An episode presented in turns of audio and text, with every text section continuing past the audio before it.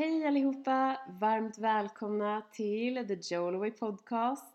Här sitter jag idag, Jossan alltså, själv och eh, har fått den stora äran att introducera dagens gäster. Och alltså jag vill bara först säga att det är ju, alltså jag har så mycket pirr i mig. Det är så mycket pirr, det är så mycket inspiration, det är så mycket nystartskänsla nu tycker jag. För nu är våren verkligen här. Idag är ju också en sån här helt magisk dag där det är så här, solen skiner, det är typ varmt, det är massa blommor som börjar poppa upp överallt. Så jag känner, ah, jag känner så mycket hopp och så mycket inspiration. Och som sagt väldigt mycket nystart. Vi hade ju också Spring Equinox, vårdagjämning i lördags. En väldigt magisk dag inom den yogiska, eh, inom den yogiska världen och ja, typ massa andra världar också. men så jag känner verkligen att det är en tid nu för ja, men att sätta nya intentioner så de här fröna som sen kan få växa till stora härliga blommor under året. Um, och det är så mycket hopp. Jag känner så mycket hopp och så mycket så här, åh, pirr. Så jag skickar med en extra dos med hopp och eh, ny energi eh, genom eten. Jag hoppas det går fram. och som sagt nu då till dagens gäster. Det är två fantastiska kvinnor. De heter Lotta och Victoria och driver podden Hälsosnack med Lotta och Victoria. Och eh, gud vad jag och Lolo hälsosnackade med dem. Vi pratade så mycket och eh, typ två gånger så att det fick också bli två stycken avsnitt. Så det här är bara del ett av del, del ett av två kan man säga med Lotta och Victoria.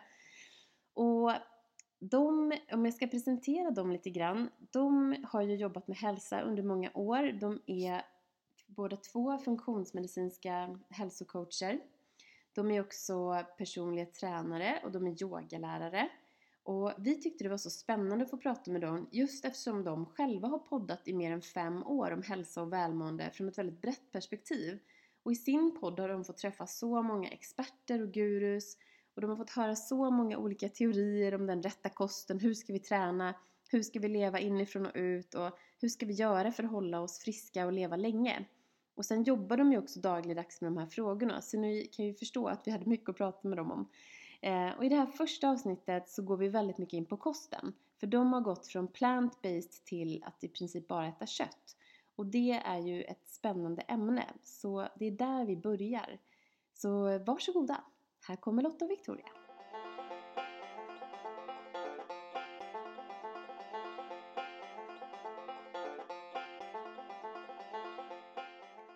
Välkomna till The Jolaway Podcast Lotta och Victoria, eh, a.k.a. hälsosnack med Lotta och Victoria får jag säga.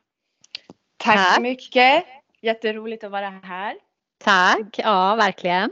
Och det är så fantastiskt att höra era stämmor som, som vi brukar ha i öronen nu, i, direkt i öronen och kunna, kunna säga saker tillbaka till er. Det är jätte, jättekul. Vi är så taggade på den här intervjun. Ja, vad roligt. Tack. Ja, det känns ju helt sjukt egentligen, men eh, att förstå att man kan, man kan se det så. Men ja, jättekul att få prata med er också. Kan inte ni bara, vi, vi har ju hört en liten intro kring er, men berätta lite kort om er själva. Vilka är ni och vad gör ni? Victoria, du kan väl börja? Ja, eh, jag heter Victoria Karinci. Jag eh, jobbar som eh, funktionsmedicinsk hälsocoach. Jag har ju podcasten Hälsosnack då tillsammans med Lotta som vi startade för ja, fem år sedan nu. Det känns ju som en, eller det låter som en evighet, men det har gått fort tycker jag. Jag jobbar ett par dagar i veckan även på Hercare kvinnoklinik där vi framförallt tar emot kvinnor som har hormonella besvär av olika slag. Ja, det är kort om mig. Mm, jag heter Lotta Lagerqvist och jobbar också som funktionsmedicinsk hälsocoach. Jag är också yogalärare och personlig tränare så att jag, ja, vi är väl båda hälsonördar från alla håll. Och eh, ja, och som, så, som Victoria sa, jobbar med hälsosnack och det är faktiskt över fem år sedan nu som vi startade mm. den. Ja, mm. tiden går. Ja. ja, men jag är ju också både yogalärare och personlig tränare. Det glömmer jag alltid säga. Men det är jag. Gud vad spännande. Men jag tänkte bara också fråga, hur träffades ni två? Lotta och jag har känt varandra i eh, jättemånga år nu faktiskt. Mm. Vi eh, lärde känna varandra genom vänners vänner kan man säga, eh, universitetsvänner. Och sen så umgicks vi lite då och då. Vi träffades mycket på afterworks inne i stan mm. efter jobbet. Men vi kände varandra, vi kände varandra inte så himla väl egentligen så att vi hade ändå lyckats eh, missa att vi var lite på samma spår, både Lotta och jag. Lite den här känslan av att vi inte riktigt var på rätt plats i våra karriärer. Vi hade ju pluggat på universitet i många år, hamnat på bra jobb, men ändå var det någonting som skavde. Så att sen var det faktiskt när jag hoppade av min förra karriär som jag brukar kalla det eh, och eh, började skola om mig helt och hållet till just hälsocoach. Då hörde Lotta talas om det här och eh, Lotta har berättat så här i efterhand att hon tyckte att det lät superflummigt. Ja. Men sen dröjde det inte många månader innan hon var på plats på samma utbildning och då så hittade vi till varandra och lärde känna varandra mycket närmare och det har ju varit helt fantastiskt att ha Lotta vid sin sida för att det var inte så lätt att göra sig av med den där gamla karriären och börja på någonting mm. helt nytt som var okänt och eh, ja, man var helt grön på så många sätt. Så att, att ha det stödet av Lotta, eh, det har varit helt ovärderligt. Visst var du på Coca-Cola? Ja, precis. Så att jag hade det är ju så roligt. Eh, Ja men eh, visst är det. Men jag hade pluggat marknadsföring och Coca-Cola var väl typ mitt andra jobb. Jag hade varit jättekort på ett annat ställe och sen så var Coca-Cola, så det var ju liksom mitt, egentligen min första riktiga arbetslivserfarenhet och där var jag i, i drygt nio år och eh, det mm. var ju jätte jättespännande och jättelärorikt och, och eh, ja, otroligt på många sätt och vis. Men det tog ett tag för mig att liksom inse och acceptera att nej, men det var inte det här som mitt hjärta och min själ verkligen brann för och det tog mig många år innan jag liksom vågade ta steget och bara nej men jag säger upp mig. Jag visste inte mm. vad jag skulle göra istället så att jag sa upp mig utan att ha något annat jobb eller någon annan plan egentligen. Wow. Jättehäftigt. Jag måste fråga, drack du Coca-Cola under den här tiden också? Nej, det gjorde jag faktiskt inte. Jag har aldrig varit så förtjust i, läsk. Eh, så att eh, Eh, när jag började då hade eh, Coca-Cola precis lanserat eh, sitt kolsyrade vatten. Eh, mm. och det var det som jag började jobba med. Så jag har egentligen aldrig jobbat med att marknadsföra läsk utan jag har jobbat med med vatten och juice, eh, iste och på slutet kaffe. Eh, men eh, jag drack inte ens kolsyrat vatten så att sen blev jag glad när vi lanserade ett stilla vatten för då var det det jag drack istället för kranvattnet. Så att mm. ja, lite ja, missed opportunity där när man inte gillar läsk och jobbar på Coca-Cola. ja. Lotta, hur såg din väg in i hälsovärlden ut? Ja, men jag har ju alltid varit intresserad av hälsa, så att, men det är inte så att man ser det. Liksom. Jag var ju, efter att man har valt sin väg och man har gått till universitetet så följer man ju liksom den vägen. Så att jag jobbar ju med ekonomi, var controller på Nasdaq. Men mm. kände precis som Victoria att det bara skavde. Jag var liksom mm. helt ointresserad och jag var inte intresserad av mer bonus och mer pengar och nästa karriärsteg som alla andra runt omkring mig var.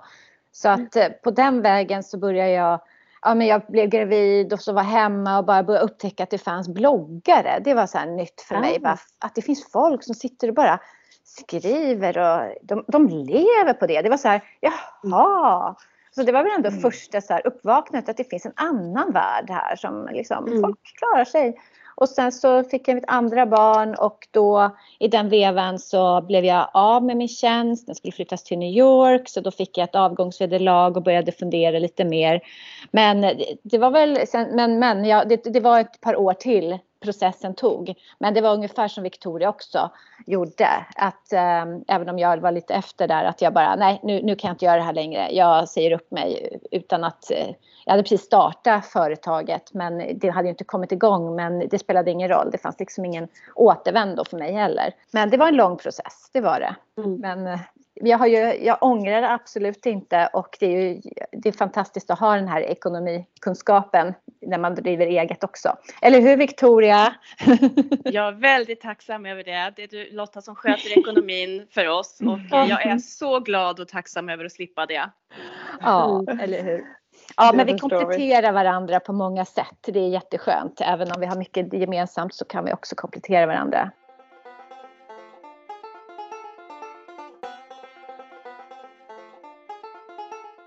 Kom ni fram till att ni ville starta en podd? Ja. Ja, det var ju lätt. Det var Lotta som föreslog och mm. då så sa jag ja. Och sen körde då bara, oj! Okej då. Nej, nej, faktum är att eh, under tiden jag höll på att utbilda mig till hälsocoach så lyssnade jag jättemycket på amerikanska hälsopoddar och blev väldigt inspirerad och lärde mig väldigt mycket av det. Och jag mm. hade flera gånger tänkt att ja, men jag borde starta en, en liknande fast svensk eh, hälsopodd. Och det här var ju så länge sedan nu. Det fanns ju knappt några poddar då. Jag, jag vet inte, det fanns säkert en hälsopodd men det var inget som jag lyssnade på och jag tänkte så här, men i Sverige alltså, det finns ju inte så många hälsoprofiler här för jag ville ha det här intervjuformatet så att det kanske bara kan bli en fem avsnitt eller någonting så jag hade liksom så här slagit det ur hågen. Men sen då mm. när Lotta en dag när vi satt och, och hade möte och pratade om våra nya karriärer då så sa Lotta att ja, men vi borde starta en podcast och då var det som att bara liksom poletten föll ner och bara ja det borde vi. Och sen så satte vi igång och började planera för det. Det wow. är, alltså jag måste bara säga, eh, det är så coolt för att eh, att ha en podd, vi har ju också haft vår i ungefär ett halvår nu och det är fantastiskt roligt och det är, det är liksom ett tillfälle att kunna få prata med alla de här intressanta människorna och lära sig massa saker och få komma ut med det man lär sig. Så det är fantastiskt kul. Men jag tänker också att jag ska berätta för er när vi ändå har er nu på tråden att er podd, ett av de första, jag tror att det kanske till och med var ett första avsnitt som ni släppte med Filippa, eh, Raw Clarity Filippa. Hon, det, den intervjun med henne lyssnade jag på för oh, tre år sedan kanske. Eh, och det var det som fick mig att ta steget från att, eh, också från en mer konventionell karriär inom juridiken till att satsa på eh, att utbilda mig till hälsocoach. Ja men gud vad coolt. Åh, vad roligt att höra. Så att Bara en sån sak. Ja, men genomslag verkligen. Eh, och det är fantastiskt kul. Vi, vi är ju flitiga liksom, hälsosnackslyssnare både jag och Josefina. Jag kan tänka mig att ni, liksom vi, kan bli ganska jag ska inte säga förvirrade, men man kan nästan bli lite så här vilse i den här hälsodjungeln just för att ni träffar ju så många olika experter som är så starka förespråkare för sätt att se på saken. Håller ni med? Ja, men visst är, ja, men visst är det så.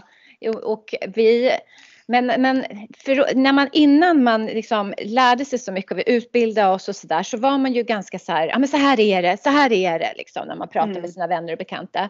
Men nu är man ju mycket mer ödmjuk. Liksom, att, mm. Och man har, vi har jättestor respekt för alla experter. Även om vi kanske inte håller med till 100 procent så har vi ändå en stor respekt att de har faktiskt hjälpt en massa människor med det här sättet som de ser på saker och ting. Liksom mm. att, eh, men, och, och, och att man har alltid något att lära sig och dessutom också den här viktiga poängen att alla är olika.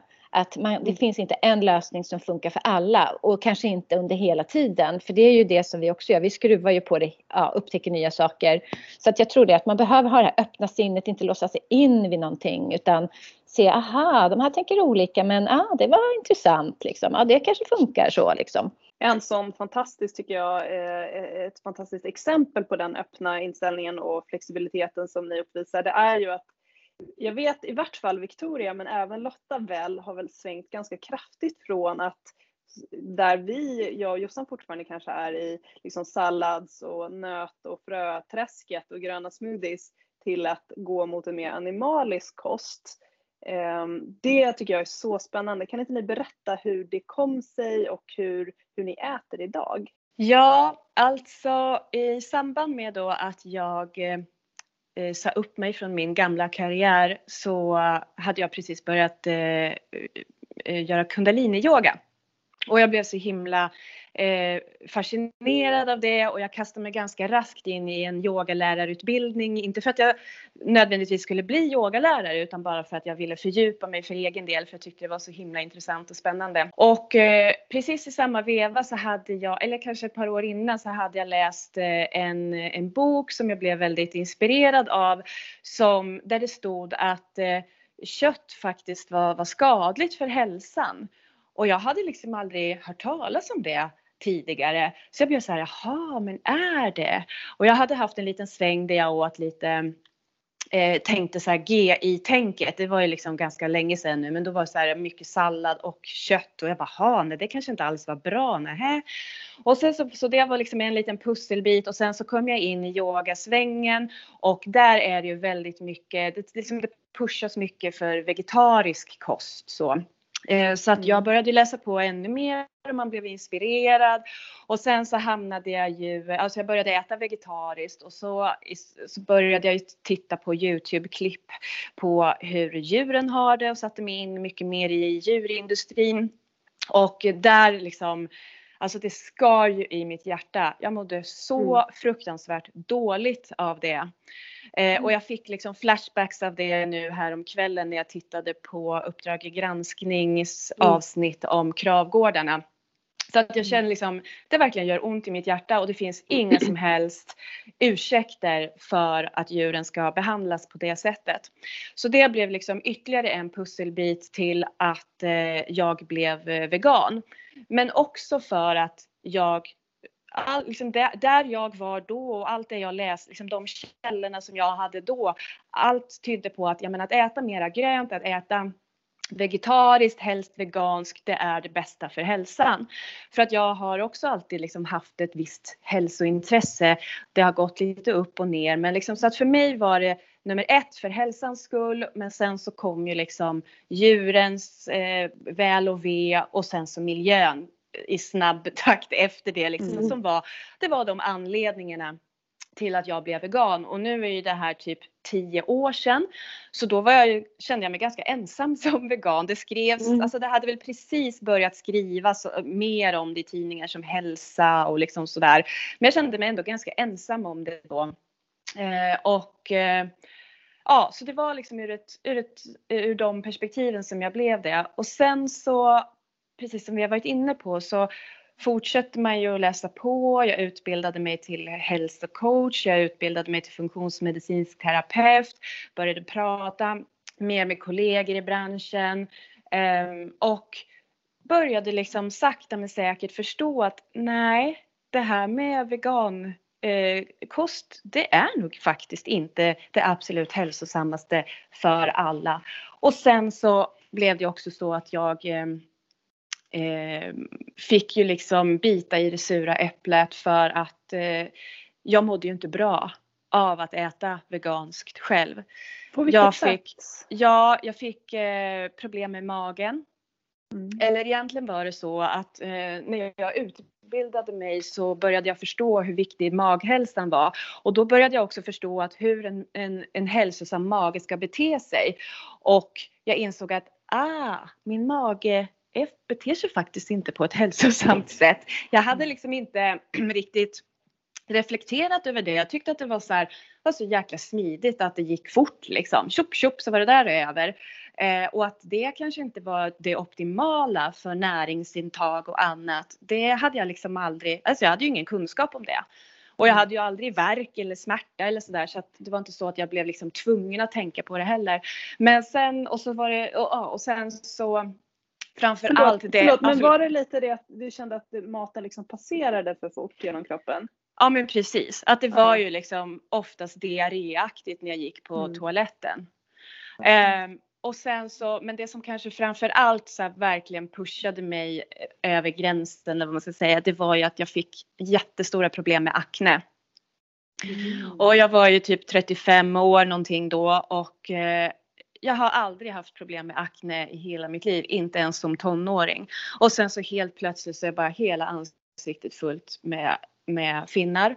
Och du vet varje, när man så möter sig själv i spegeln mm. varje dag och bara ser det där, alltså det är då man bara mm. säger nej men gud det här, jag kan inte, ha det så här längre. Mm. Och jag gick ju till, sökte ju hjälp på vårdcentralen och läkare. Jag var hos minst tre hudläkare och för mig var det också så här så att här ramlade ju poletten ner för mig också om att funktionsmedicin är så jäkla klokt. För att när jag kom och mötte skolmedicinen, jag var så här, men varför? Varför har jag helt Mm. plötsligt fått ansiktet fullt av eh, finnar när jag aldrig haft det förut? Någonting måste ju vara fel. Vad är det som är fel? Men det var ju totalt ointresse från de jag träffade inom vården att så här, svara på den frågan eller försöka ta reda på den. De bara liksom ryckte på axlarna och bara ja men det kan vara stress, det kan vara genetiskt, det, det, liksom, det, men, men vad vet jag liksom. Men här har du eh, en receptbelagd eh, medicin och här eh, har du antibiotika och här har du en receptbelagd kräm och smörja ansiktet. Jag fick liksom inget svar och fick ingen som var intresserad av att ta reda på men var brister det liksom. Mm. Eh, och eh, så det gjorde ju också att jag lärde mig jättemycket för att jag kunde inte släppa det. Jag blev ju inte bättre, det blev ju snarare värre när jag tog, alltså jag blev kanske lite bättre under tiden jag tog den där antibiotikakuren men sen blev ju allt värre igen och det var ju ingen långsiktig lösning. Så att eh, jag lärde mig ju jättemycket när jag liksom researchade för egen del. För att försöka liksom själv komma underfund med var är den felande länken, vad kan jag göra, hur ska jag bli av med det här? Och vad var det du gjorde då? Vad, var, vad kom du fram till? Eh, ja, dels så kommer jag fram till att eh, jag inte mår bra av att äta gluten. Mm. Jag kom fram till att jag hade B-vitaminbrister. Och eh, det vet jag ju så här i efterhand att eh, jag eh, har en genetisk avvikelse, avvikelse som gör att jag inte metylerar B-vitaminer som jag ska. Så att på en vegankost så kunde jag egentligen, eh, kunde jag ju helt enkelt inte få i mig de B-vitaminer som jag behövde. Så det började jag äta höga doser av, eh, av B-vitaminer och eh, sen så var jag ju tvungen att börja äta animaliskt protein igen. Mm. Liksom att äta, återinföra animalier i min kost.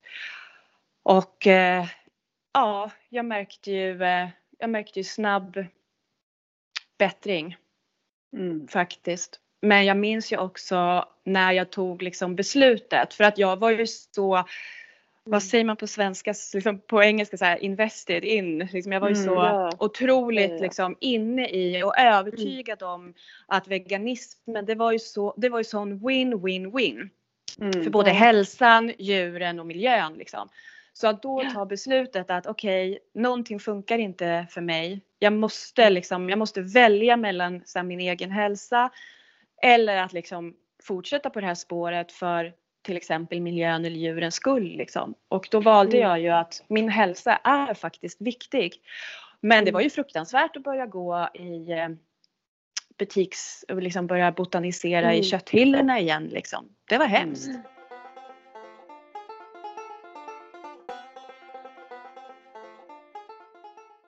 Det är en ganska stark, eh, Mm. eller det är en ganska tydlig liksom svängning får man säga. Mm. Eh, Men jag antar att det här gick, det var ju inte så att du helt plötsligt slängde ut alla grönsaker och bara åt kött över en natt, gissar jag.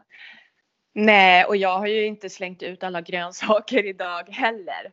Eh, och eh, det kan ju kanske, jag vet inte hur det ser ut från utsidan, men det här, alltså, det här har ju tagit flera år för mig. Liksom. Att steg för steg och sen lär man sig något nytt och så förstår man och sen faller en polett ner vad gäller ens egen hälsa. Och eh, liksom, det har ju varit flera år av liksom, både självutforskande och liksom professionellt lärande liksom, eftersom nu är ju min profession att vara hälsocoach och funktionsmedicinsk terapeut. Så, så att det har ju varit att lägga ett pussel liksom. Mm. Har dina liksom besvär försvunnit nu? Ja, det har de. Eh, jag minns när jag blev vegan så var det väldigt många runt omkring mig som frågade så här, ja men eh, mår du bättre då? Har du mera energi? Och jag blev lite så här, hmm, jag ville ju så gärna svara ja på den frågan. Mm. Eh, men jag bara, har jag det verkligen? Ah, jag vet inte. Och grejen var ju att jag hade ju också precis sagt upp mig från ett jättestressigt jobb. Och eh, hade det liksom ganska lugnt där hemma och jag gick min yogalärarutbildning så jag yogade mycket. Så på sätt och vis så kunde jag faktiskt svara ja ärligt på den frågan. Men jag kände nog aldrig att liksom den där e-, extra energin, det var nog mer för att jag inte hade så mycket på min att göra-lista snarare än att det var den här energin som kom inifrån, liksom, från min mm. kropp så att säga. Mm. Men nu så kan jag ju känna att liksom, nu har jag ju energi på ett helt annat sätt. Jag insåg ju också att i den, här, i den där vevan så läste jag ju om, om ett symptom som kallades hjärndimma. Det var helt nytt mm. för mig då. Hjärndimma och jag bara så här, fasen vad jag känner igen mig i det. Jag har ju jag har ju fasen hjärndimma, det, det har jag ju liksom. Kan du, kan inte förklara vad är hjärndimma för något för de som inte vet?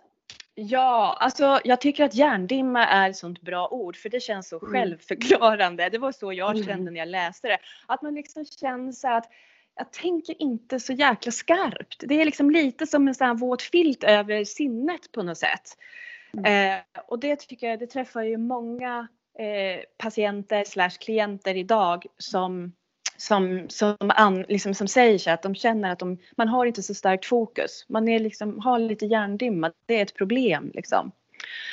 Eh, ja, och sen så har jag eh, inga som helst problem med akne idag. Jag kan ju få lite finnar och då vet jag precis vad det är. Då har jag, eh, oftast så har jag ju ätit lite mjölkprodukter. Mm. Som mm. okay. jag vet att jag, att jag inte tål och ska göra. Men till exempel under julhelger eller sådär, då, då är väl mjölk Alltså gluten är någonting som jag bara aldrig äter. Mjölkprodukter kan jag då och då liksom göra avsteg med och faktiskt eh, mm. äta då och då. Och när jag då har gjort det, då kan jag få lite finnar av det.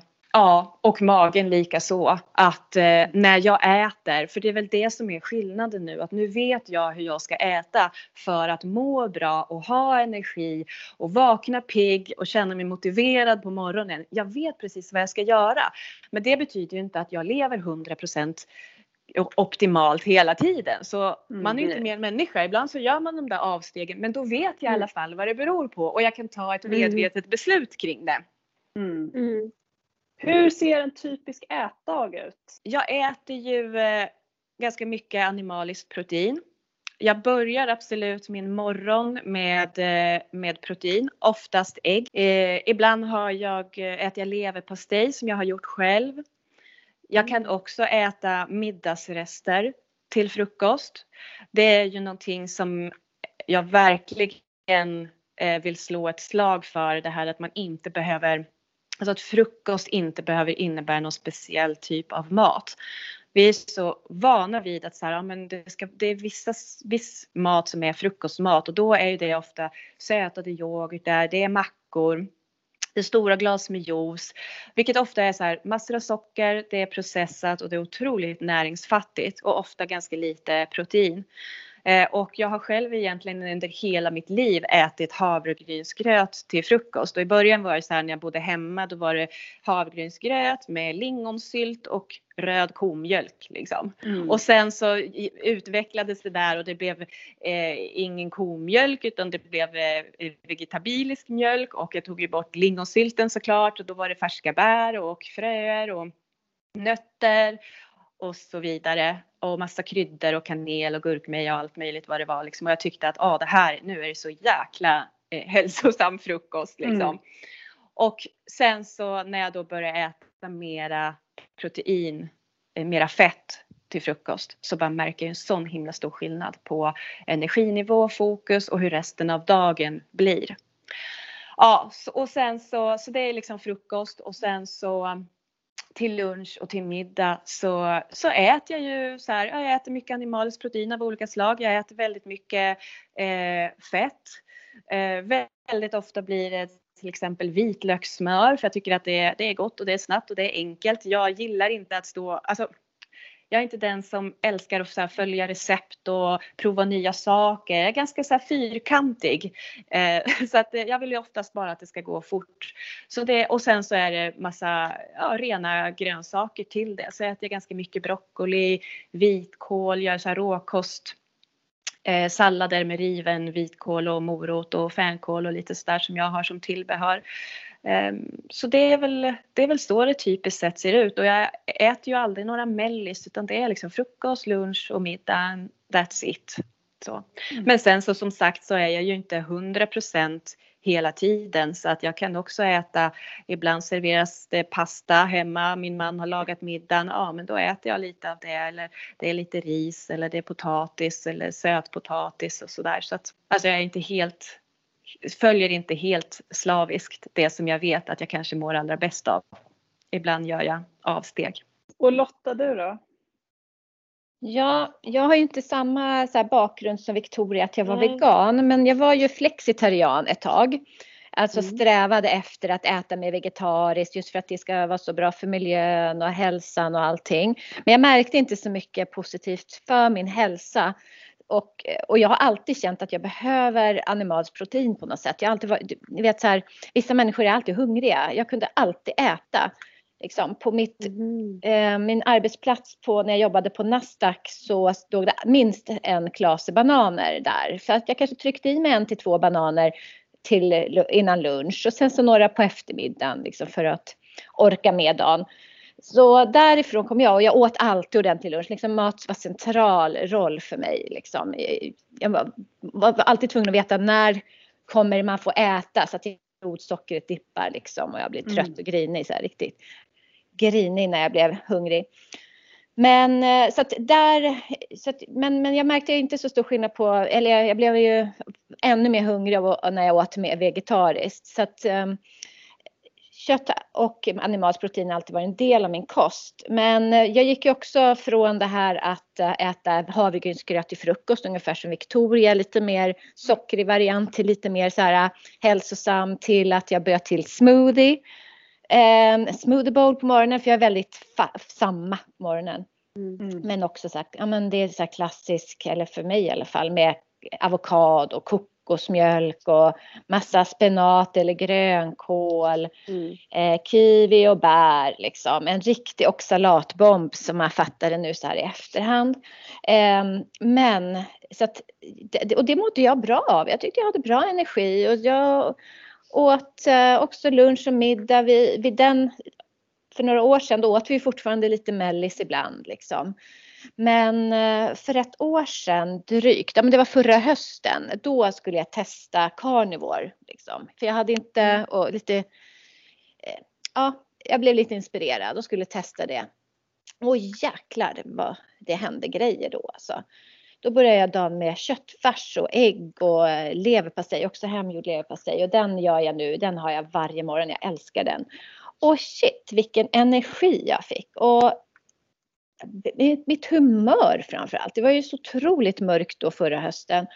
Mm. Jag mådde superbra så att jag äter väl inte karnivor alltså bara animaliskt. Utan jag kan väl säga att jag äter mer säsongsbetonat. Så att mm. fortfarande ser jag animaliskt protein en stor bas för min kost. Men på vår och sommar då blir jag sugen på mer grönsaker och jag äter bär och jag äter frukt.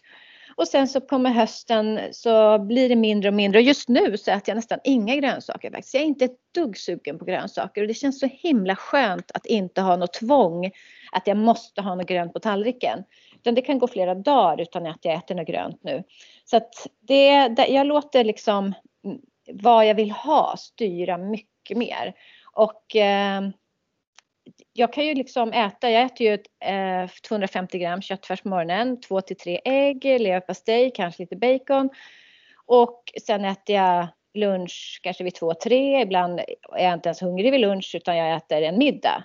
Eh, men det beror lite på om jag tränar eller så. Men eh, man går som tåget liksom. Bara puttra på med den här kosten. Så att det, det är liksom, man får bara experimentera lite och våga prova. Men du saknar inte, eh, jag tänker från att ha gått från de här smoothiesarna och det, för att de är ju så färgglada och man känner ju liksom att det är så vackert att äta den typen av mat. Mm. Det är mm. vackert på tallriken. Känner du att du kan sakna det när du tittar ner på din din köttfärs och leverpastej och äggtallrik? Alltså jag trodde ju det verkligen. Jag trodde mm. det satt långt, långt inne att ta bort min fina vackra smoothie bowl med mm. så granola och liksom allt det där härliga.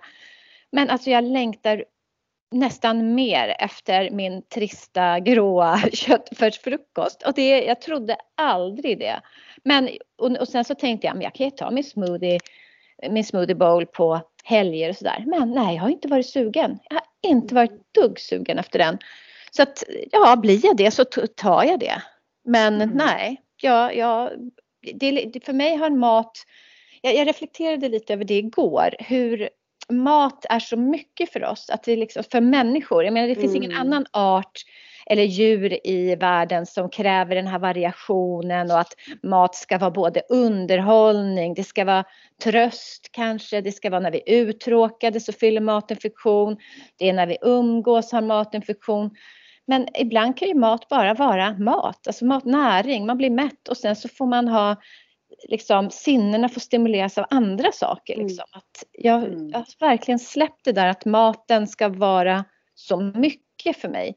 Såklart att det kan vara, alltså jag njuter ju självklart av en god middag, en vällagad mat med, gjord med kärlek liksom. Det är fantastiskt. Jag uppskattar ju verkligen mat men inte på att jag måste, det måste se så vackert ut längre. Liksom. Mm.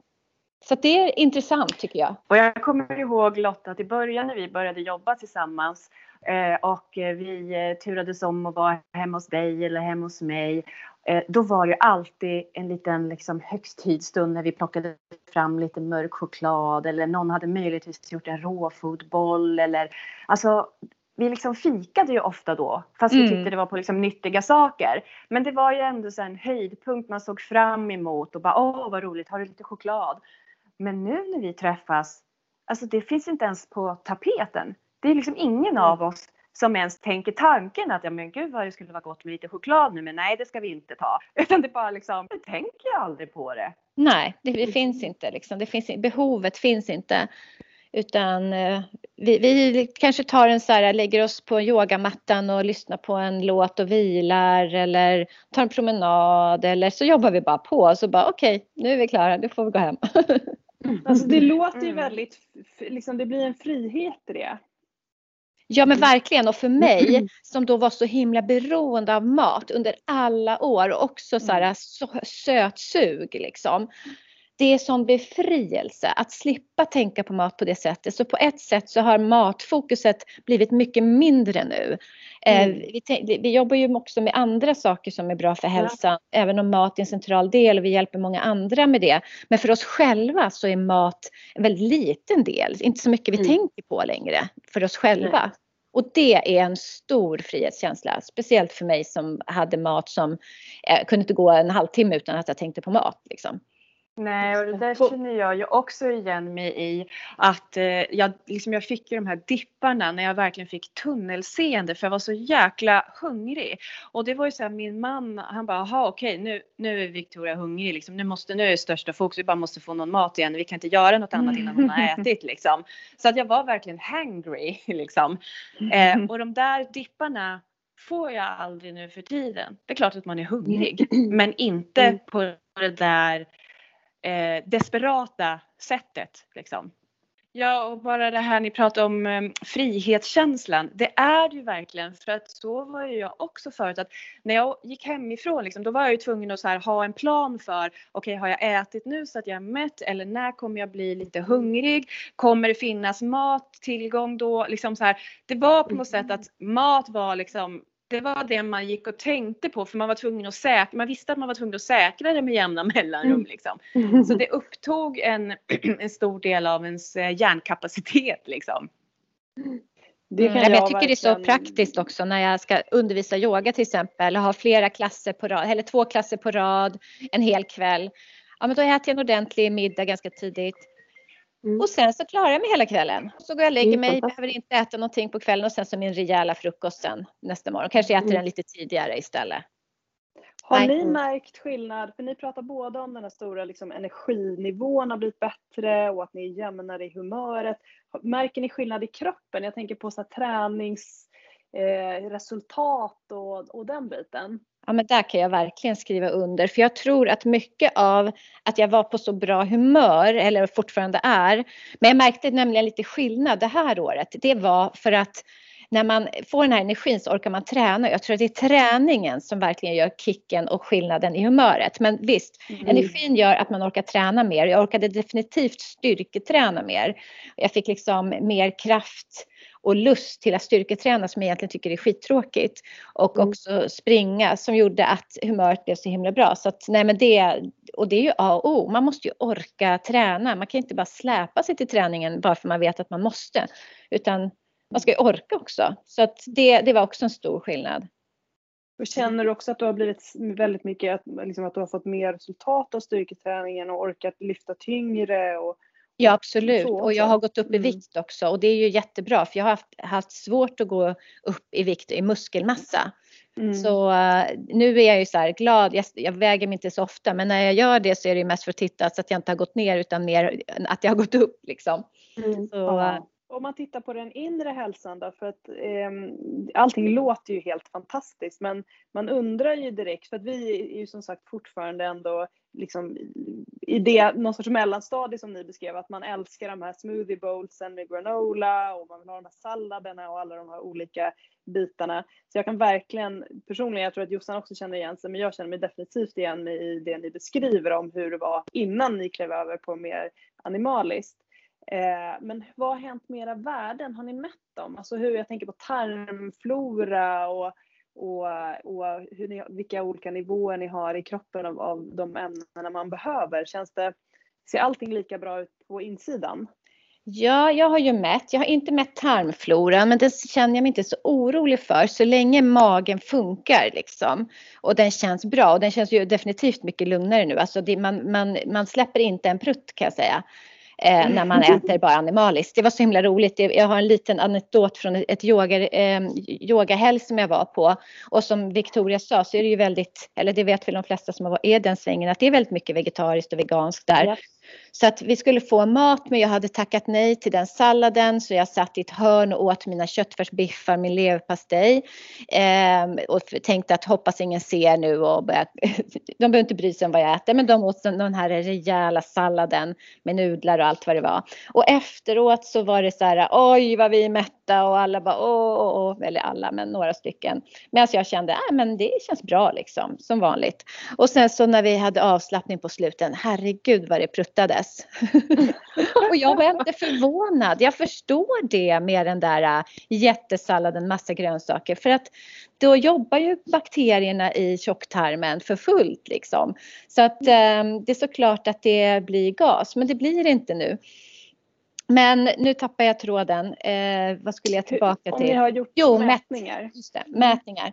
Och jag mätte, jag ska faktiskt mäta nu igen, men jag mätte då för ett år sedan när jag hade ätit så här i tre månader.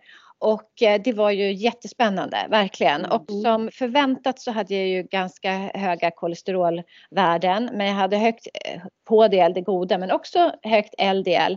Men där får man ju då titta på nyanserna. Vi pratade om det i vår podd med Nils Edelstam, den funktionsmedicinska läkaren, just om man vill grotta ner sig i det. Men så det är ganska naturligt att man får lite högre kolesterol, men triglyceriderna var låga och kvoten var bra. Men det som var så spännande var just att, för man får ju höra att kött är inte antiinflammatoriskt och det skapar inflammation och hej och hå. Men mina inflammationsmarkörer, de var ju superlåga. Mm. Så att jag hade ju inga tecken på inflammation i kroppen mm. alls. Och alla vitaminer, visst jag tar ju D-vitamin som tillskott och så, så att det var ju bra och så. Men eh, nej, jag, det, det, det, visade precis som jag känner, även om vi inte, det var ju ett vanligt blodprov så här på eh, ett, ett så hälsoblodprov så att visst kan man ju mm. ta fler tester som tarmflora och hur mycket som helst. Men det här vanliga visade i alla fall inte på några avvikelser. Sköld, sköldkörteln var bra. Eh, njurarna var bra. Det kan man ju också, många säger att man kan få mm. problem med njurarna. Levervärdena var superbra. Så att, nej, jag känner mig lugn och trygg i att mm. fortsätta äta så här ett tag till i alla fall. Så länge jag mår bra i alla fall. Jag har en liten fråga som bara, om jag kan bara sticka in med den. För jag, jag kommer ju också mycket från det yogiska hållet och så här. Har ni har ni funderat någonting kring så ayurveda och liksom den kosthållningen som ni nu väljer? Om det har någonting med era kroppstyper att göra eller ja, har ni, är det något som ni har tänkt på? Eh, ja, delvis. För att jag tror att jag har en sån kroppstyp som trivs med mycket protein. Eh, mm. Jag vet inte om den finns. Jag är ju vata på ayurvedan mm. så där är det ju ja. liksom eh, jag, jag, tror att den kropps... Jag är inte jättepåläst om ayurveda just nu. Men mm. så det kan väl också säga en del om att jag behöver mer protein. Men mm. visst är det så att det kan vara att man behöver hitta sitt förhållande. Jag kanske behöver mer än mm. andra. Mm.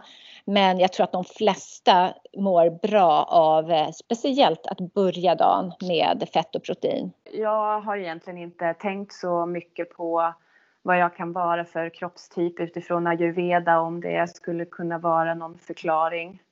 Mm.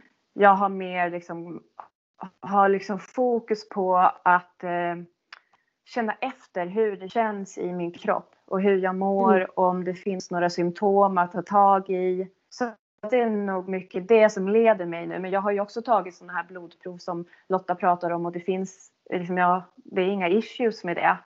Jag skulle vara, det skulle vara jättespännande om jag hade tagit sådana när jag var vegan så att jag verkligen skulle mm. ha någonting att jämföra med. Men det har jag inte.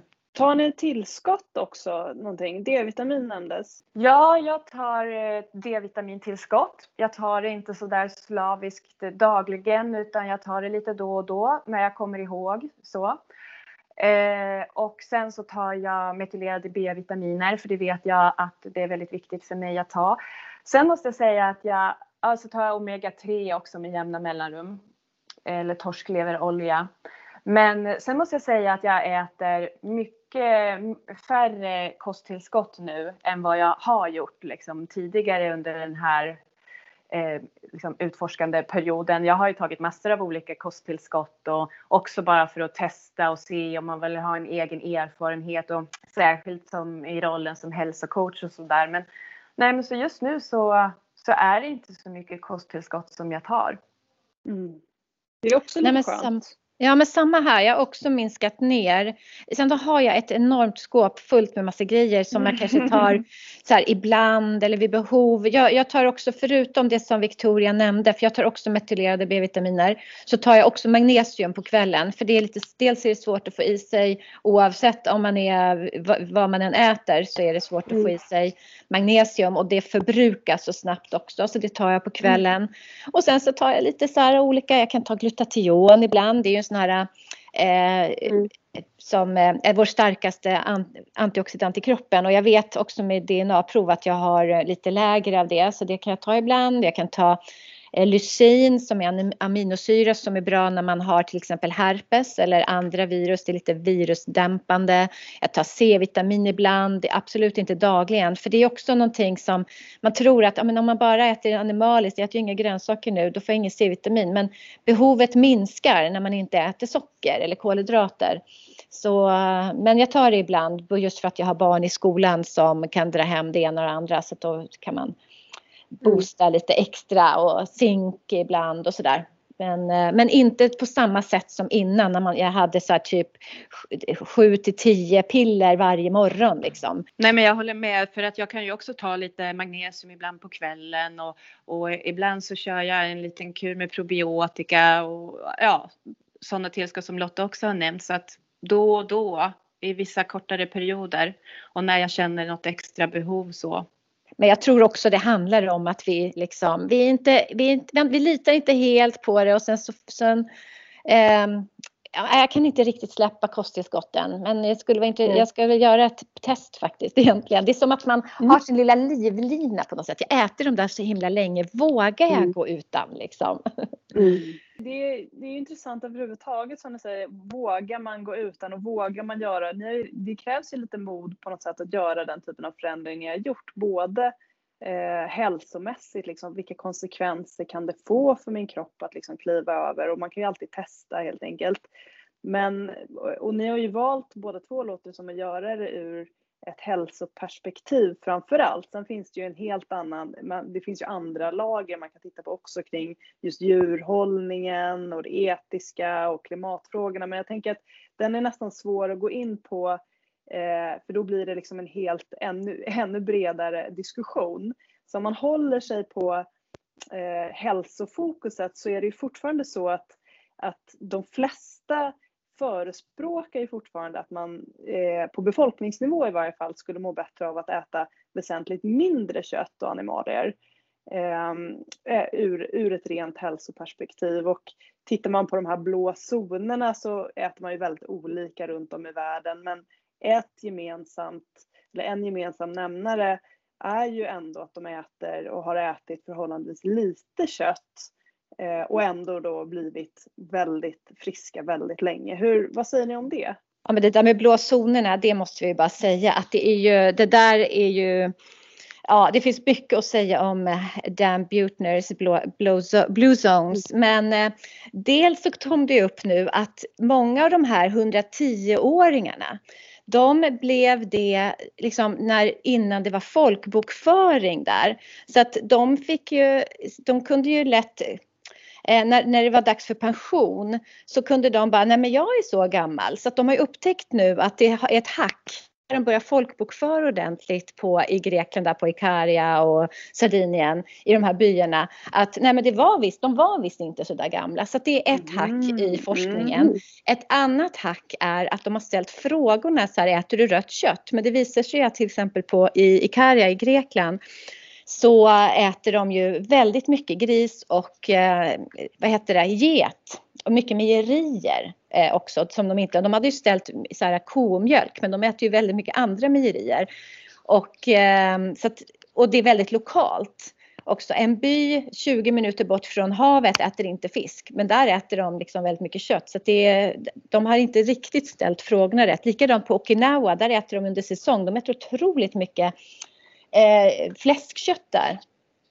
Men det faller ju inte under det här röda köttet som frågorna var ställda på. Och sen så under vissa perioder så fastar de. Och då äter de inte eh, något kött då, då. Så att nej, alltså det är man måste gå ner i detaljerna väldigt mycket. För det är starka krafter. Och då menar jag inte bara djurrättrörelsen utan även livsmedelsproducenterna tjänar ju mer på processade saker. Och speciellt om de då ska skapa Eh, vegetariska alternativ. Så att eh, nej, man, man, man, måste liksom titta lite djupare. Och det är mycket mer nyanserat än så faktiskt. Och eh, mm. kött har blivit, vi känner oss ju nästan lurade själva. För vi har ju själva mm. trott på det här. Och så när man testar själv, men det stämmer inte. Och då får man mm. gå tillbaka ännu längre i historien och titta på, men vi har ju ätit rött kött under flera miljoner år. Liksom. Det har varit eh, bönder, eller vi började odla för 12 000 år sedan. Det är som en sekund i mänsklighetens historia. Liksom. Mm. Så att, att kött skulle vara något som ger oss cancer och massa sjukdomar, nej, det kan inte stämma. Det var när vi började använda massa växtoljor, vi började använda fett, eh, kolhydrater, jag tror växtoljor och, och, eh, socker är väl de största bovarna som ändå fortfarande promotas som det mest hälsosamma, alltså växtoljor i alla fall. Ja. Eh, Nej, där finns det hur mycket som helst att snacka om och även miljöaspekten om att djur har gått på vår jord under alla miljoner år liksom och tuggat i sig gräs. Men nu är det monokulturer med vete, soja, majs som dominerar. Eh, och det är liksom biologiska öknar så att det finns mycket nyans där också. Bara för att man äter vegetariskt så är man definitivt ingen miljöhjälte utan det, det, det krävs ganska mycket för att eh, man kan inte bara undvika kött, snarare tvärtom. Liksom, vi behöver djur för ett hälsosamt matsystem. Jag tycker att det här är jättespännande eh, och det är jättekul, eller kul är väl fel uttryck, men det är jag tycker att det är bra att, att höra olika röster för att det är som du säger, det, det mesta som sägs kring det här är ju väldigt entydigt att för att rädda planeten, för att rädda klimatet så måste vi minska vår köttkonsumtion och vår mejerikonsumtion. Eh, så det är jätteintressant att höra eh, en mer nyanserad bild. Ja, och vi måste ju ändra mm. mycket av vår konsumtion. Vi måste ändra vår konsumtion liksom. Mm. Det är ju verkligen eh, det, det, det är ju lätt att peka finger på en sak men det är bara också för att skydda andra delar. Vi måste rannsaka oss själva på alla plan, liksom. Mm. all konsumtion, hur vi lever. Jag tror att i visionen för ett hållbart samhälle, liksom, då, då har vi bara en jord som vi alla måste leva på. Ska vi få bort orättvisor, fattigdom, ja men då, då kan vi inte ha några få, vad är det, några få människor som liksom vad är det, 10% av världens befolkning äger 90% av resurserna. Men det, det är inte hållbart. Liksom. Man måste titta i ett mycket större perspektiv, tänker jag. Mm. Och sen också en sak som jag... Ah, förlåt. Mm. Nej, nej, fortsätt. Ja, men och sen en annan sak som jag också tycker är viktig och det har jag med mig eftersom jag kommer, liksom jag har, har varit vegan, jag har, liksom, jag har känt det där. Jag är, liksom, har också liksom litat på miljöargumenten och sen så har jag börjat nu och, och liksom läsa på, eh, leta andra källor. Men, men när man har när man har övertygelsen att kött faktiskt är hälsosamt för oss. Att kött är någonting som människan har ätit genom alla tider, som vi har mått bra av, som kanske är det som ligger till grund för att våra hjärnor utvecklades och att vi faktiskt blev människor. När man tror att kött är viktigt, då, då är det ju också liksom inte det som är det första som ska stryka på foten när vi ser att ja, vi har problem i världen. Så att lite egentligen oavsett om kött liksom om det skulle visa sig att ja, men det är helt omöjligt att få fram kött eh, som inte liksom belastar miljön så, så är det kanske ändå inte där som liksom huvudsakligen, så våra huvudsakliga ansträngningar ska vara. Därför att det är viktigt att vi människor håller oss friska, är smarta, kan ta bra beslut, liksom har en frisk hjärna som fortsätter att utvecklas positivt. Och, och då är det kanske jättemycket annat som vi behöver så här, stryka helt enkelt inom den andra konsumtionen och det andra sättet som vi lever våra liv på. Förstår ni hur jag menar nu? Ja, absolut. Ja. Vi kanske Så, inte behöver men, en ny iPhone varje år. Nej men eller hur, det är det, det är det som är grejen liksom att allt vi gör här på, på jorden det kommer liksom belasta jorden på ett eller annat sätt. Eh, så vad är värt att belasta den för? Liksom, och vad mm. är någonting som bara är totalt onödigt? Liksom? Behöver vi nya köksluckor? Eller behöver vi nya gardiner i en ny ton? Eller behöver vi en ny iPhone efter ett eller två år? Liksom? Det är väl där som det, det, det blir liksom viktigare att, att verkligen vara krass. Men jag tror, och jag tror att det är det som blir problemet också när man då liksom är kanske övertygad vegan eller liksom tror att kött faktiskt inte är nödvändigt för oss. För tror vi inte att det är nödvändigt utan man bara tänker att ja, men människor bara äter det för att de tycker att det är så jäkla gott med en steak liksom. Det är bara rent själviskt. Bara ur ett njutningsperspektiv.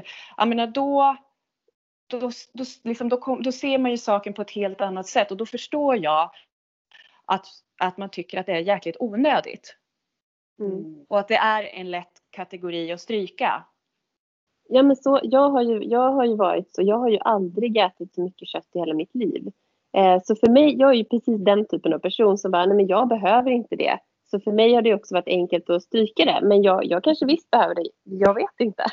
det är jätteintressant att höra på vad ni säger. För jag, jag, är inte, jag är inte, äter inte veganskt. Men jag har inte ätit kött på väldigt många år. Och har aldrig egentligen ätit så mycket kött under hela mitt liv. Så att, eh, det är jättespännande perspektiv som jag får här. Mm. Nej, men sen så är det ju mycket mat som vi inte heller behöver. Liksom chips, är det nödvändigt? Hur mycket koldioxid släpper det? Det är fabriker mm. som tillverkar det. Det är massa ja, oljor som kommer här hej och hå ifrån och måste vi ha importerad frukt mm. liksom i ananas. Är ananas nödvändigt? Det kanske vi kan stryka för det åker långt bort ifrån. Finns det någon mer frukt vi kan stryka som inte är livsnödvändigt? Liksom, man kan ju börja så här, eh, vilket, vilken ände som helst. Sen så Ja, men eh, i, i grund och botten så handlar det ju om att vi, våran övertygelse är ju att eh, vi, vi är helt övertygade om att man blir friskare om man äter animaliskt protein och då blir också det mindre sjukvårdskostnader och där är det också en stor bov när det gäller utsläpp. Så att ja, nu blev det en liten miljödiskussion här trots att ni inte ville ha det. Det går inte att komma undan. Nej, det gör ju inte det. Ni pratar ju mycket då om det animaliska proteinet och då måste man ändå ställa frågan hur är det med, med de vegetabiliska källor till, jag menar det, du kan ju få i dig rätt bra med protein genom att äta bönor och baljväxter och, och, och vad gäller frågan om antinutrienterna i dem så eh, där är man väl ändå hyggligt överens om att genom tillagning, korrekt tillagning och blötläggning och sånt så, så kan man få bort dem eh, till allra Inte helt. Del. Ja. Äh, våra, alltså nackdelen med dem det är att de är förpackade också dels med mycket fibrer men också väldigt mycket kolhydrater. Och eh, vår erfarenhet både med oss själva och med våra klienter är ju att man mår bättre om man håller ner kolhydraterna för de sätter igång den här blodsockersvängningen. Ehm, så därför så är inte de optimala. Sen är ju inte aminosyraprofilen riktigt likadan i vegetariskt och i mm. animaliskt protein. Vi behöver ju den här aminosyran lysin för att trigga igång vår muskeltillväxt. Och då mm. behöver man komma upp ett antal eh, gram och då kan man se då att det är ganska mycket mer av de växtbaserade alternativen för att kunna trigga igång det här tröskelvärdet. För det är verkligen tröskelvärde. Man måste komma upp i 40 gram protein. Om du tänker då 40 gram protein och så slår du ut det på något, eh, nu har jag inte just för bönor, men jag vet att eh, med, med quinoa som ändå är känt som ett proteinrik livsmedel så behöver det 14 deciliter för att då komma upp i samma värde som en kycklingfilé. Så att det är dels mycket mer volym, det är svårare för magen att hantera och eh, ja, det blir en massa kolhydrater på köpet. Sen finns det ju andra aspekter för folk som då har känslig mage, känslig tarm och inte klarar av så mycket fibrer. Eh, plus att det blir, ska man då utvinna det här proteinet så blir det väldigt processade livsmedel. Så att de processade eller de vegetariska eller växtbaserade alternativen är ju oftast fyllda av växtoljor som då driver inflammation och andra tillsatser för att smak och konsistens ska bli bra liksom. Mm. När du säger växtoljor, inkluderar ni olivolja då? Olivolja är väl ett undantag men den är ju ganska dyr så att oftast så ingår ju inte det i sådana eh, Eh, produkter. Men olivolja kan man ju absolut, eh, det är ju en av de, eh, olivolja och kokosolja är väl de växtoljor som vi själva tar. Men inte rapsolja och eh, vad heter det, solrosolja de, de har alldeles för mycket omega 6. När ni då köper kött, vad, vad väljer ni för kött då? Eh, vilken, är det alltid kravmärkt eller ja, nu har vi fått den här krav den här dokumentären som handlar om kravmärkta gårdar och sådär. Men vad, hur, hur tänker ni kring val av kött? För det finns ju också till exempel kött som innehåller typ, ja, men, olika medicin, vad ska man säga, antibiotika och har det varit mycket prat om och sådär. Hur tänker ni kring det? Ja, men köttkvaliteten är ju otroligt viktig mm. och eh, eh, så att om, om man köper kött från eh, djur som inte har mått bra själva. Som inte har fått den kost som de är avsedda för att äta. De har haft det trångt och stressigt och jäkligt. Eh, de har fått antibiotika och massa andra mediciner. Jag menar då är det klart att det, det inte heller blir ett livsmedel som är hälsosamt att äta. Mm. Så därför precis som överhuvudtaget så är det jätteviktigt med, med kvalitet. Mm. Och eh, eh, så att, att, välja ekologiskt, att välja gräsbeteskött i så stor utsträckning som möjligt, det är ju superviktigt. För det finns ju inget snack om saken att liksom djurindustrin är liksom är ett problem och behöver förändras. Jag och Lotta har ju till exempel varit iväg tillsammans på en gård och där vi köper kött regelbundet ifrån. Och mm. eh, det kändes ju som när man såg den här eh, Uppdrag granskning eh, dokumentären om krav att mm. fasiken, man får ta saken i egna händer för man kan inte ja. lita på någon. Ja. Det verkar inte som att det räcker att köpa ekologiskt och kravmärkt så. Men då har ju vi besökt den här gården. Vi har pratat med bonden. Vi har liksom sett hur hon interagerade med sina djur. Vi har tittat på djuren. Vi har sett hagarna där de får beta i liksom. Mm. Ja, man får göra det man kan för att sourca så god kvalitet som man bara kan. Mm. Det var ett jättebra tips. Jag undrar om det, jag hoppas i alla fall att det kommer bli mer och mer så att vi kan åka ut direkt till gårdarna och köpa kött därifrån. Och mina föräldrar har ju en gård och sådär. Och det är ju liksom, man hoppas att man går mot det. Att, mm. Och att vi, det också ska pusha andra, alltså pusha gårdar och bönder att verkligen så här, ta hand om sina djur på ett bra sätt. Ja, ja det, det tror jag. Där tycker jag verkligen också man ska lyfta fram eh, vilt. Just det. Alltså vi har ju en fantastisk, alltså det, det, slängs ju enorma mängder viltkött i Sverige idag för att det jagas och eh, av olika skäl. Eh, men man har inte ett bra system för att få ut det ordentligt. Så att har man, känner man någon som jagar eller som känner någon som känner någon, att kunna få köpa svenskt viltkött eh, måste ju vara bland det allra bästa ur alla perspektiv tänker jag. Ja men verkligen. Och ja, just det här du säger ja, att slänga, att det är ju mm. någonting vi också försöker. Vi är inte världsbäst på att äta alla organ men vi försöker ju mm. lära oss eh, mer och mer att ta vara på det. Vi kokar ju benbuljong och, och jag kan ju säga också det sen vi, vi börjar äta mycket mer kött att vi slänger så lite mat. Alltså kött slänger man inte. Blir det över då lägger man undan det och så äter man det sen och det blir inte gammalt på samma sätt för man, man äter det. Eh, så att jag, jag, är hopplös på att ha så grönsaker som ligger och blir eh, där, även om jag åt det hela tiden och juicade så var det ändå så här kylskåpsrensning på slutet. Mm. Försökte äta men visst det, det slängdes mycket mer än vad det gör nu och att man verkligen tar vara på hela djuret. Det är massor med saker som är näringsrikt och eh, ja och ja, kontakta folk som jagar. De har, brukar ju ha överflöd på kött i sina frysboxar. Ja men verkligen. Alltså, det har ju med hållbarheten att göra också. Att vi kan inte slänga mat. No. Så att vi måste börja lära oss att ta tillvara på liksom allt på djuret. Och det är så människan har gjort liksom, när man ser tillbaka inom evolutionen. Liksom. Det var inte bara att man eh, skar ut filén och åt. Utan man åt allt. Man åt hjärna, man åt lever, man, liksom allt. Så att det kommer vi också bli tvungna att börja, börja äta. Ja, ta tillvara på allt. Mm. Verkligen. Jag tänker bara för att eh, det, det, var no, jag kommer inte ihåg vem det var som nämnde den här smoothiebowlen att det var en riktig eh, eh, eh oxalatbomb. ja, det var jag. Just, eh, mm, ja, precis. Just kring vilka, vilka grönsaker som, vilka, vilka grönsaker äter ni fortfarande och hur mycket grönt blir det ändå i tillägg till det här köttet? Ja, Lotta då. Jag, jag äter ju inte så mycket grönsaker just nu eftersom det är mitt i vintern. Eh, det blir, eh, vi har ju grönsaker till familjen men det blir mycket som så här råkost och morötter till de andra. Eh, jag äter lite av det också men absolut inte varje dag. Men om man ska tänka då näringsmässigt och att undvika eh, de här olika lektinerna som finns i eh, säd och fytinsyra och så. Eh, så och oxalater som vi nämnde så är det just att växterna, de vill ju inte bli uppätna heller. Alltså de vill inte, de, de försöker ju skydda sig, det är därför de har de här ämnena. Så att blad, stammar och rötter är ju det som de försöker skydda mest. Eh, däremot, och fröer, alltså bönor till exempel, bönor och nötter som man inte äter hela. Men däremot frukter, de vill ju ofta växten att man ska äta. För att då placerar kärnorna genom kroppen och så kommer de ut i perfekt eh, gödsel sen i marken. Och det finns faktiskt grönsaker som är frukter, till exempel gurka och zucchini är frukt. Avokado är en frukt, en så osöt frukt. Så att det finns ju både osöta och söta frukter.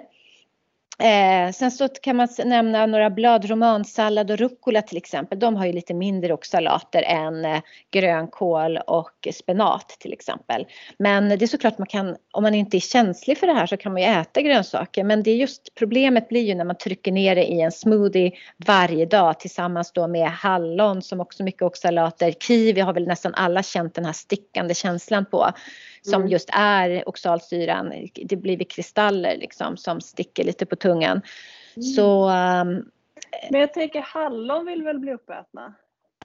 Ja, men de innehåller också lite oxalater så att det, det är liksom en sanning modifikation och sen så beror det lite på liksom. Eh, de växer ju en gång om året i på de här breddgraderna man äter och även på liksom eh, frukt finns ju inte året om någonstans heller en sorts frukt utan de mognar ju i perioder. Så då äter man hallon och sen äter man inte hallon under en lång period. Men om vi nu kan frysa och ha det i vår frys året om så blir det ju mycket mer liksom. Egentligen kan man ju se det som att ganska, ganska mycket skulle kunna vara tillåtet uh, om man håller sig till säsongerna för då blir ja. det aldrig den här överdoseringen. Ja, jag tror det. Och det som vi hade tillgång till det mesta, i alla fall här, det var ju fisk och kött liksom. Och sen så åt man bär när det fanns och ja, när man började odla grönsaker och så. Men ja, jag tror att ett säsongstänk är faktiskt bra. Jag kommer ihåg att jag tittade på en dokumentär som eh, åtminstone fanns på SVT Play eh, som hette någonting så här de första svenskarna och då handlade det om liksom hur Sverige befolkades för vad det nu var, hur många tusen eh, år sedan det var och hur de människorna livnärde sig. Och då slog man ju fast att ja men på vintern, om vi går ut nu, just nu är det ett tjockt snötäcke överallt som var vad, vad skulle vi äta liksom? Eh, då var det att man åt eh, fisk och kött till 70-80 procent. Och man antagligen var i ketos. Så att man var kanske i ketos hela vinterhalvåret. Och sen så på våren och sommaren så åt man lite bär och kanske hittade honung och vad det nu var liksom. Eh, mer grönt och så. Men man åt liksom inte smoothie bowls året om. och man kanske hade tror de att inte de hade, blenders? man kanske Nej, tror att precis. de var ganska när, hade näringsbrister men de har ju hittat ett skelett för en kvinna från 6000 år sedan tror jag det var. Och hon var väl över 80 år och hon hade starka käkar, hon hade jättefina tänder, ingen karies liksom. Så att eh, det, det tyder ju ändå på att de fick ganska bra med näring även fast de inte hade grönkål och smoothies. Mm. Eller en vita Alltså- mix i köket. Det är ju ett sånt, för mig är det så, det, det är jätteintressant och revolutionerande ett Ja. sätt att tänka på. För det ställer ju verkligen allt som man har fått lära sig på huvudet. Lite Ja, grann. och så var det ju för oss också. Jag menar, vi har ju Mm. alltid trott att, eller alltid, men så länge vi har jobb, jobbat med det här, att ja, men grönsaker, där kan vi alltid vara trygga. Vi kan alltid rekommendera Mm. att man kan äta mycket grönsaker. Och att äta begränsa kött, liksom, det, det kan vi alltid lita på. Men nej, så vändes ju det upp och ner här. Så att, och det tog ju en lång tid, men vi har ju gjort så mycket research. Vi har lyssnat på så mycket poddar och lyssnat på människor, så det är ju inte bara något vi eh, liksom kom på. på. Nej.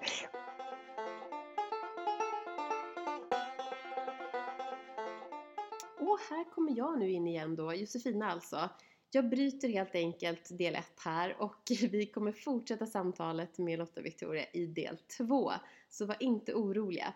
Det är bara för er att tuna in på del 2 så fortsätter samtalet som sagt. Eh, fantastiskt spännande att prata mer om och vi, vi kommer utveckla och prata lite mer om kost i del 2 också men vi kommer också prata vitt och brett om hälsa och välmående och ni får höra om deras svar också på våra tre slutfrågor. Det vill ni absolut inte missa. Och just det, vi kommer också gå in en hel del på Victorias metod eh, Clean Reset och vad det är för någonting. Så ja gud, det finns så mycket kvar att lyssna på. Så eh, varsågoda och tune in på del två av våran intervju med Lotta och Victoria. Och ha nu en fantastisk dag, en fantastisk helg så ses och hörs vi snart igen. Ha det fint, hejdå!